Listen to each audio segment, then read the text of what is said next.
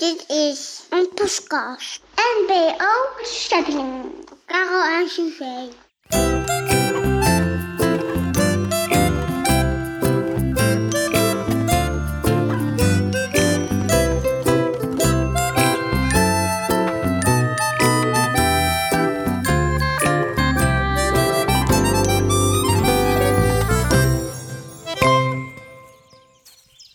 Toen Pluisje zeker wist dat Bruno ver weg genoeg was, liep hij verder. Hij wist alleen niet waarheen. Pluisje wilde dolgraag weer naar huis, naar Bolletje. Maar welke kant moest hij op? Plotseling hoorde Pluisje gefladder van vleugels. Goedendag, klonk een plechtige stem. Het was een uil. Waar gaat de reis naartoe? Wist ik het maar. Ik ben de weg kwijt. Ik wil naar huis. Naar Bolletje. Lastig probleem, vond de uil. Bolletje zegt mij niets, vrees ik.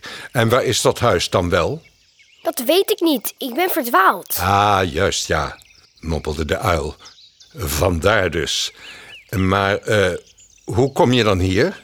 Met de wind. Ik waaide mee en toen kwam er een storm en... En opeens was ik hier. Oh, die, die wind, ja. Onvoorspelbaar gezelschap, wist de uil. Weinig richtingsgevoel. Dus u kunt me niet helpen. Nou, wacht, ho, ho, dat heb ik niet gezegd. Luister goed.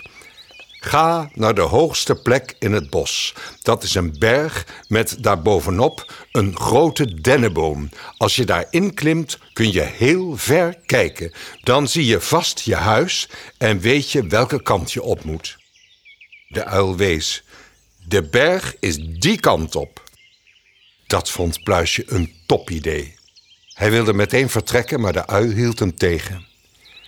Kijk wel uit, er loopt hier een beer rond. Onaangename verschijning.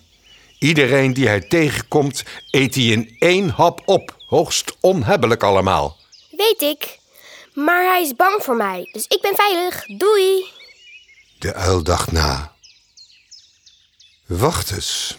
Als die beer bang voor jou is, kan dat maar één ding betekenen: dat jij een muis bent. En toevallig ben ik dol op muizen. De uil haalde uit met zijn enorme klauw, maar greep mis. Pluisje was al weg.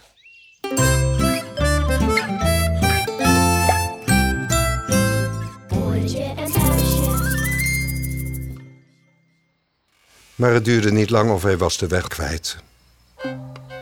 Het bos was veel te dicht begroeid.